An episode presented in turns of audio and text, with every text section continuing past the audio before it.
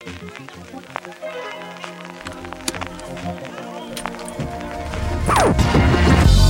gonna take you down.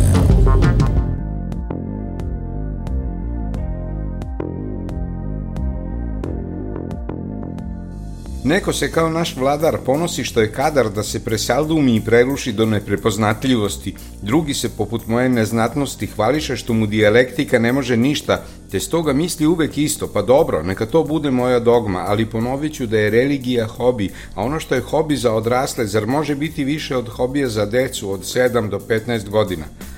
Šta bi bilo da premijerka, shvativši koliko stanovništvo voli tenis, uvede beli sport kao školski predmet, ili da se roditelji i deca dvoume ko će na novi školski predmet, aikido ili tenis, To bi i meni i Ustavu bilo sasvim po volji i po meri, jer najviši pravni akt nigde ne kaže da su sport i država odvojeni, a crkvi i državi Ustav izričito zabranjuje da srastu u amalgam ili u monolit.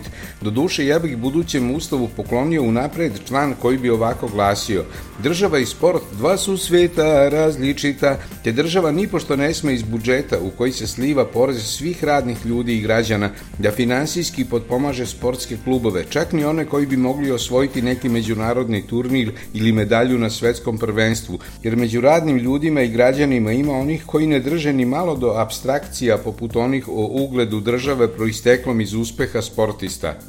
Razradio bih u krivičnom zakoniku par paragrafa o tome kolika je zaprećena kazna koje ne bi bio pošteđen ni predsjednik Republike, ni guvernerka, ni premijerka, ako bi samovoljno i protivustavno razbacivali novac na oblasti koje oni lično vole i od kojih očekuju reklamu za državu ili za same sebe. Ali vratimo se veronauci naučnoj disciplini koja proživljava teške godine progonstva iz školskog programa, jer joj nelojalno konkuriše nepobožni i nepravoslavni predmet zvani građansko vaspitanje. Roditelji i upravitelji škola u udruženom neverničkom poduhvatu sputavaju decu na putu ka pobožnosti i svemu dobrom što iz pobožnosti proizilazi. Patrijark se blagodokopao spiska verski nepodobnih direktora i štete je što nema i crnu listu roditelja. Direktori su dovedeni u neravnopravan položaj, dočim njihovi saučesnici, možda i podstrekači, uživaju u anonimnosti i bezopasnosti, pa da sve to predoči našim najvišim svetovnim rukovodiocima, a to su naši predsjednici Vučić i Dodik. Da, tek iz sastanka sinoda sa Miletom i Aleksandrom shvatio sam da je voljena naša sestrica zvana Srpska, jakože i mi izložena jeresi i opasnosti.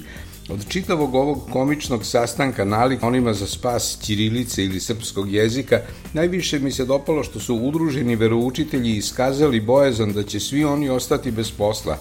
Nisam se potrudio da nađem zapisnik ili snimak ovog vladarsko-sinodskog kara zasedanja, ali slutim da je ovo najiskrenije i najistinitije od svega što je tamo bilo rečeno. Svetu materu, po mom smernom mišljenju, ne odlikuje baš istrajna iskrenost i kad se makar njenim opunomoćenicima za prosvetni rad sa maloletnicima omakne nešto ovako iskreno i puno blagorazumija, meni je srce puno. Naš predsjednik mi se ponekad učini kao adolescent kome svi školski predmeti idu kao po loju, ali čije vladanje i vanškolske aktivnosti niko ne može da predvidi ili predupredi. Sad je nešto od samodržavlja u kojem nas očinski drži dobrih deset leta ushteo da prelije i izvan Srbije, izvan svoje sve nadležnosti. Poželeo je da kao običan Srbin ode u Jasenovac, gde bi kamermani snimili kako se žali. Iz Zagreba je ka našiljencu poletelo drvlje i kamenje, jer nije reč o običnom Srbinu, da pače, radi se o neobičnom Srbinu koji je gle postao i ostao predsjednik takozvane Republike Srbije i Hrvatija ga zgranuta podsjeća da stoga podleže strogom diplomatskom protokolu, što je pak u srpskom svetu primljeno kao izliv otvorenog i neizlečivog ustašluka. Neću na more, hoću u Jasenovac, izrazio se predsjednik svojim rečima. Ne mogu zamisliti da mu je ovaj slogan smislila i preporučila savjetnica Suzana. Uglavnom, ono što je za sve pape bila i ostala Srbija, mesto na koje ni jedan katolički poglavar ne može da kroči, ni u svojstvu svetog oca, ni kao puki pripadnik ljudskog roda, ni kao turista, e, to je za našeg svetovnog oca trenutno Jasenovac.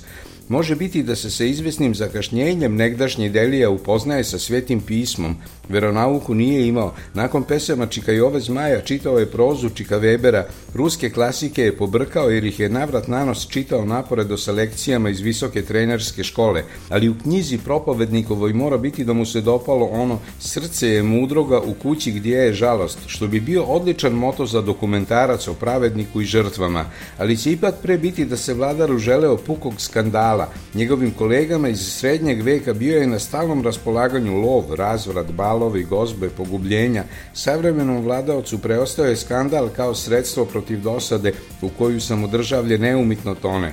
Verujem da naš vladar istinski žali žrtve Jasenovca, ali verujem i u njegovu želju da ispadne mali Lavrov, Pojedinac kome nepravedna Evropska unija ili njena najneznatnija članica ne da da se bavi svojim poslom, čime se flagrantno krši zakon o radu, ratifikovan i u svetskoj organizaciji te potpisani od Republike Hrvatske.